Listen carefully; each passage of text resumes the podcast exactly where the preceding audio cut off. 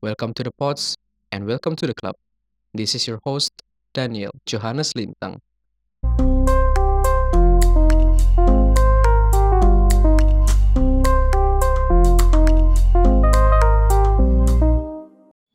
Oke, selamat datang di The Pods. Barengan gua Dominikus Giovanni. Dan gua Johannes Lintang. Yo, Kali ini kita bakal ngomongin soal Jakarta. Iya. Kita berdua ini punya latar belakang Jakarta yang bisa dibilang tidak bisa diragukan lagi. Jakarta banget ya. Jakarta banget. Apalagi Gio ya. Gua kan di Jakarta dalam tanda kutip cuma nebeng lahir. Hmm. Tapi ya kalau main pun ke Jakarta karena saudara kebanyakan di Jakarta. Hmm. Gio ada di Jakarta Timur. Gua kalau nggak di Jakarta Barat, Jakarta Selatan. Di antara dua tempat itu. Hmm. Eh, Gio, lu kan hidup di Jakarta kan jauh lebih lama ketimbang gue. Dan lu udah ngelewatin banyak proses selama lu di Jakarta. Salah satu hal yang ngebuat lu jadi apa ya?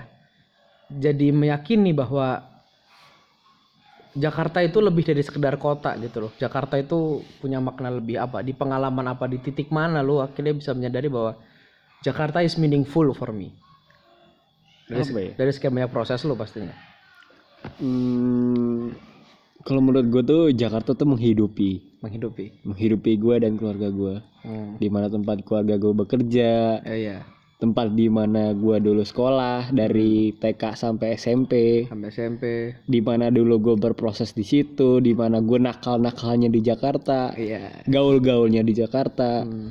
tahu-tahuan tentang ini itu di Jakarta. Iya. Ya pokoknya Jakarta itu menyediakan semuanya. Jadi eh, memfasilitasi gua dalam bagaimana gue proses, berproses ya. Dan itu menghidupi lu akhirnya. Dan menghidupi gua dan mengembangkan apa ya? Eh, kayak sudut pandang gue tentang orang-orang lain. Kan di Jakarta kan nggak cuma orang Jakarta doang. Iya sih banyak banget ya. Betul. Karena memang ada ya ada orang Bataknya juga, ada orang Jawa juga nggak sedikit ya. Nggak sedikit, banyak banget sih maksud gua orang dari seluruh Indonesia pun juga datangnya ke Jakarta. Ada di Jakarta ya. Ya karena di Jakarta kan pusat eh, ibu kota, Ibu kota, pusat ekonomi, eh, juga ladang pekerjaannya juga banyak. Banyak banget ya. Dan kalau ngomongin ladang pekerjaan itu di Jakarta ada salah satu pekerjaan yang bisa dibilang menjadi sisi penting dalam kehidupan yaitu tukang jualan makanan. Dan tukang jualan makanan di Jakarta itu tuh nggak sedikit. Ada banyak banget makanan dari yang lu biasa temui di pinggir jalan atau di depan gerbang sekolah pas sudah bubaran sekolah sampai yang emang beneran the real restoran gitu. Hmm. Dari restoran. Nah, kalau gua main ke tempat Gio, ada menu wajib yang harus gua makan adalah cakwe dan Susu kedelai. susu kedelai.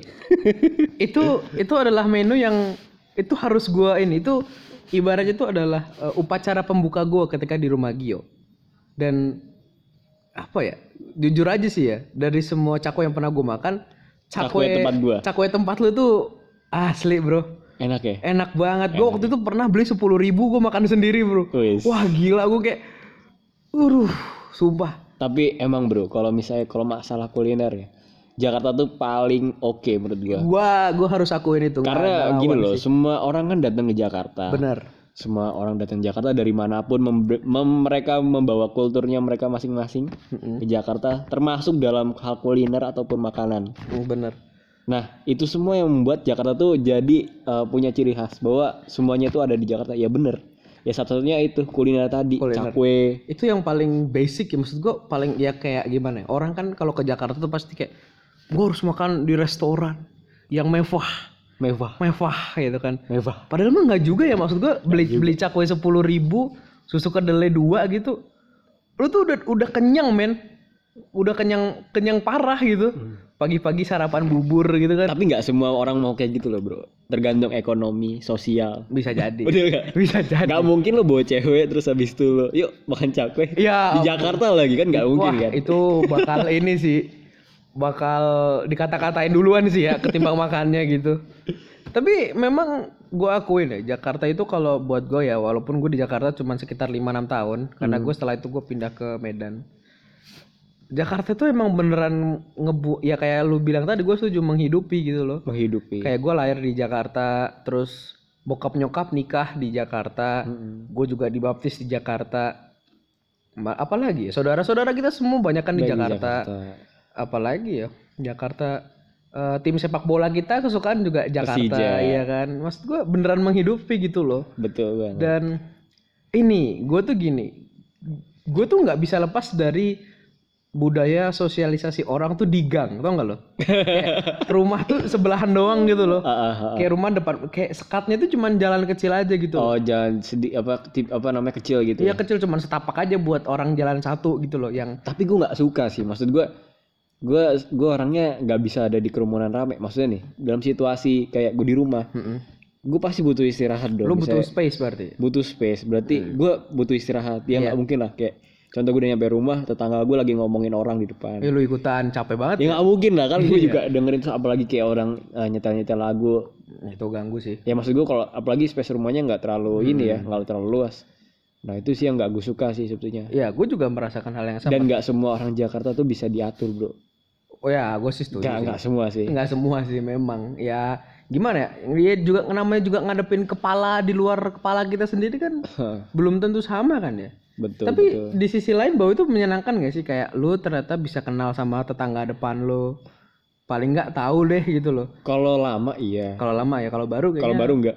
Gue punya tetangga baru di sebelah rumah gue persis. Dan sampai sekarang gue nggak pernah kenal. kayaknya gue pernah lihat deh orangnya. Yang sebelah sini. Ini rumah lo. Eh, rumah kanan sebelah kanan sebelah kanan. Oh kanan.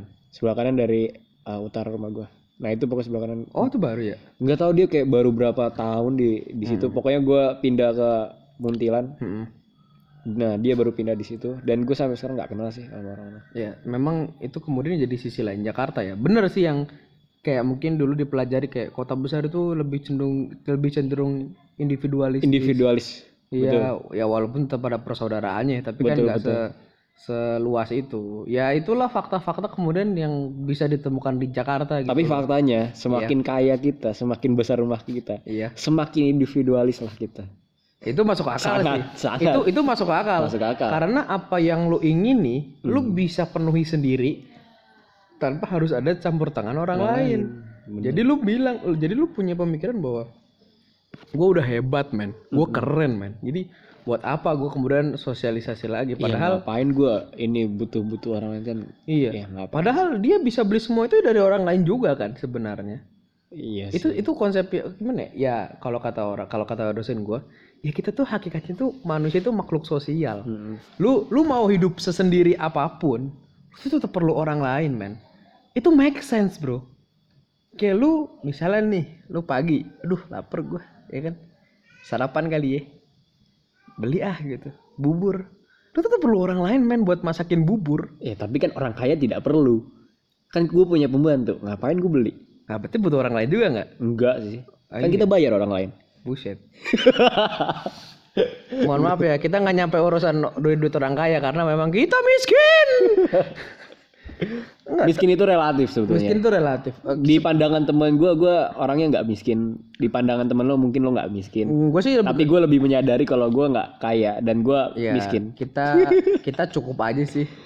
Kalau gue sih nganggapnya cukup aja, masih Lu bisa cukup ya? masih bi- masih bisa ngicipin makanan mahal. Itu udah ya udah sih Udah, udah udah sangat bersyukur. Udah syukur sih kalau bisa gue. masih bisa mencicipi B kuadrat itu udah Wah, itu kemewahan sih. kemewahan ya. Kemewahan banget kayak lu makan yang kecap ya kan. Apalagi juga, gue setu gue apalagi yang panggang, panggang. yang Wah, di anjir. yang dituang ada sausnya. iya ada sausnya kak sama jeruk nipis, Bro. Wah, nasi ya kan blak gitu. Lu minum apa kayak es teh, fruity. Wah, itu Oh my god. nggak ada lawan ya lapo ya lapo Tapi gue gue lebih suka yang kayak gitu-gitu daripada yang lapo bro. Yang home home gitu Kayak enggak bukan kayak yang orang yang masaknya Chinese.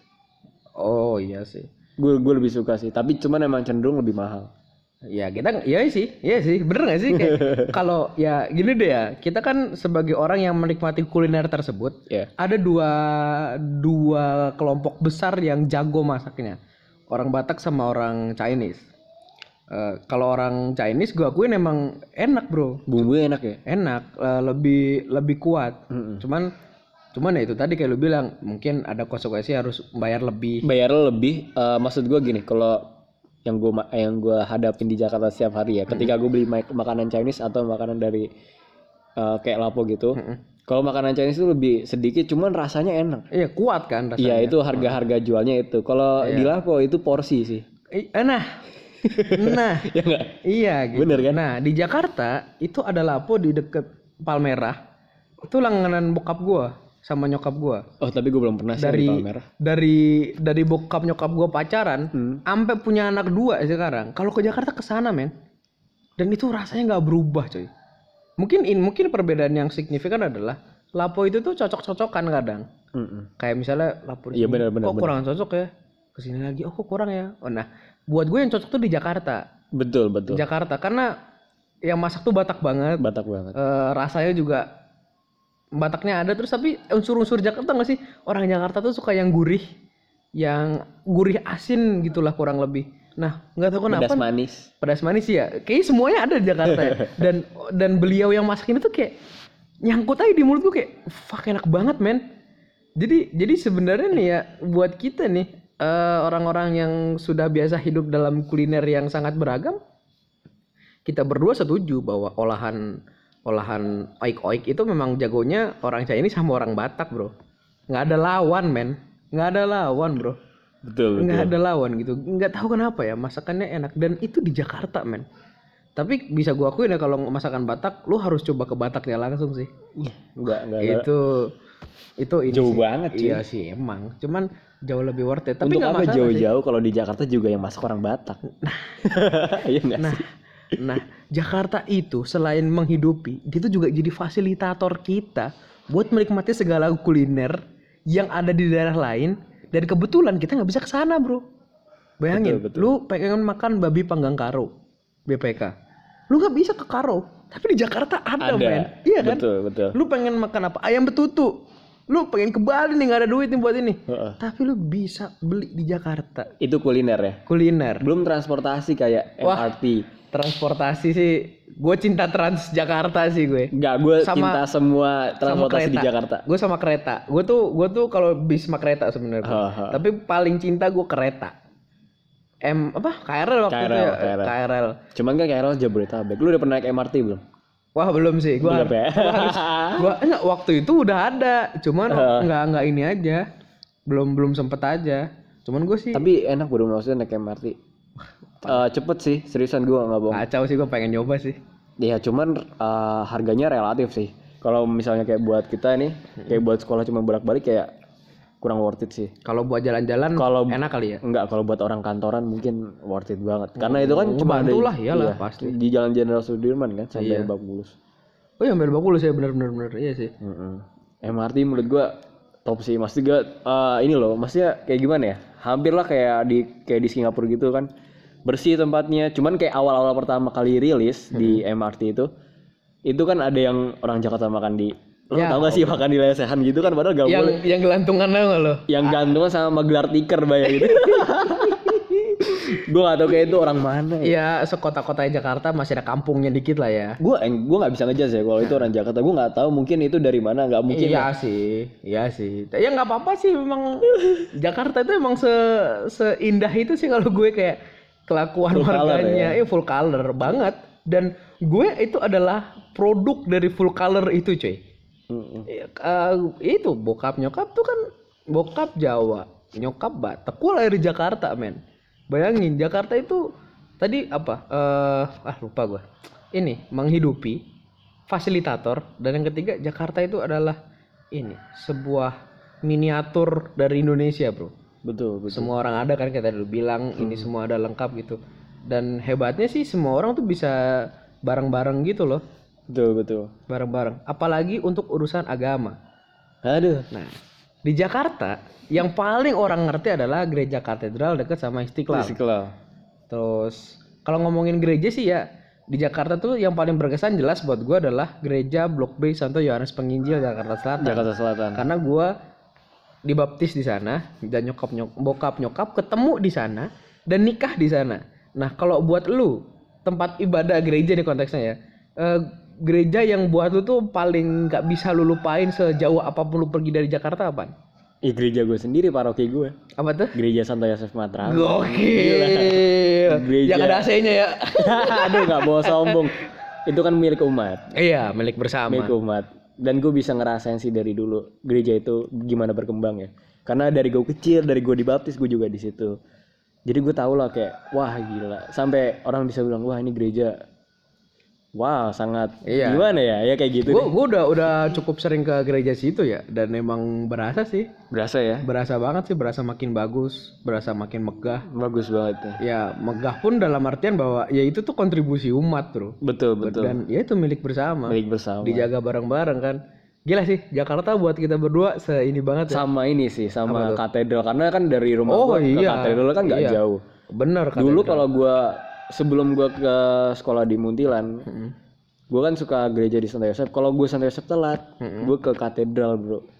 Jadi gue sama temen gue atau enggak sama orang tua gue ke katedral. Hmm, nah jadi itu eh, katedral itu adalah pelarian gue kalau misalnya di Santo Yosef ini telat, telat. ya udah nah, dari situ dari katedral itu. Nah pulangnya itu pasti gue jajan. Nah, nggak ada jauh-jauh. Iya, dan di katedral yang gue juga suka adalah ini eh, taman doa di sampingnya. Heeh. Itu gue suka sih sama patung ini. Apa tuh namanya? Yang Yesus dipangku sama Maria itu?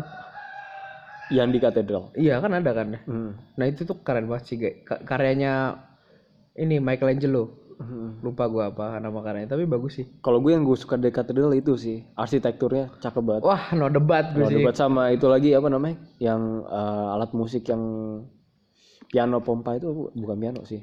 Yang gede ya? keyboard pompa. Oh, Peralon yang itu. lawas itu ya? Wah, mantep banget, Bro. Gila. Nggak ada lawan sih kalau itu. Estetik sih. gila itu gua gua makanya pas pertama gua kan ke sana kan pernah ya kayak masuk itu gede banget gila adem banget gak sih kayak mungkin karena arsitekturnya tinggi kali ya jadi dingin gitu rasanya terus hawa holy-nya tuh berasa banget Tapi padahal dulu nggak dingin loh. Ya sekarang karena udah ada AC sih. Dulu kipasan loh, panas, Bro. enggak dulu gua sempat ke Jakarta tuh jam 10 pagi. 10 jam 11 ya habis misa siang, gitu. Adem bro nggak tahu kenapa. Hmm. memang pancaran-pancaran surgawi memang terjadi di gereja itu ya. Gila. Fix gua kangen Jakarta sih.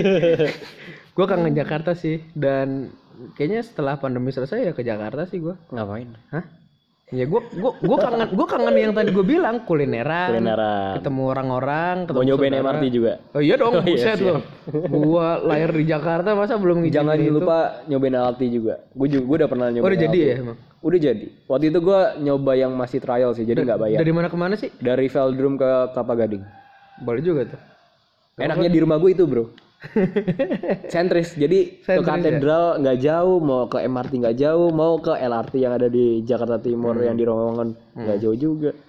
Gue sih untungnya karena di setiap Jakarta tuh ada keluarga sih, jadi aman-aman aja kayak lu di Jakarta Timur, Ah, kakek gua di Jakarta Selatan, eh, Pak De Bude di Jakarta Pusat, Jakarta Barat, Hmm. gitu gitulah ya. Makanya mau gue mobile sih sebenarnya, dan itu menyenangkan sih, dan itu menyenangkan. Sumpah, gue pengen balik ke Jakarta lagi. Gue pengen beli cakwe sepuluh ribu.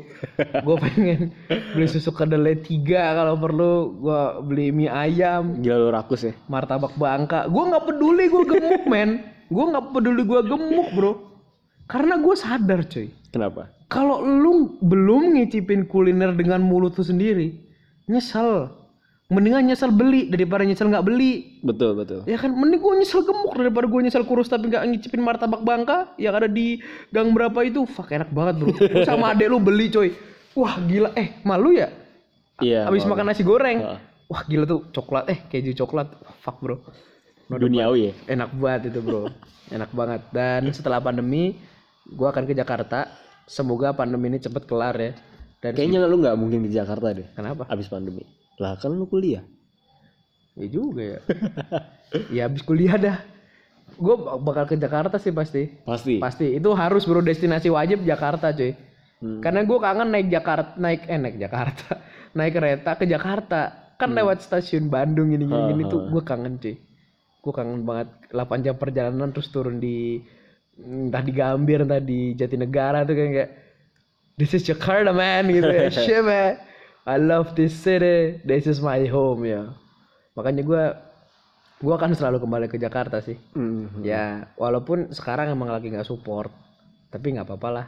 Gue sih tetap doa terbaik sih buat Jakarta. Semoga orang-orangnya juga tertib lah ya. Tertib bro tertib semoga tertib. Karena kan situasi kayak gini gitu loh sulit juga ya kan. Hmm. apalagi kenapa? Ya itulah ya. Ya itulah. Ya. Terima kasih teman-teman sudah mendengar sampai jumpa di episode 3 bersama saya Daniel Johannes. Bersama saya Dominikus Giovanni. Sampai jumpa di The Pods edisi selanjutnya. Dadah. dadah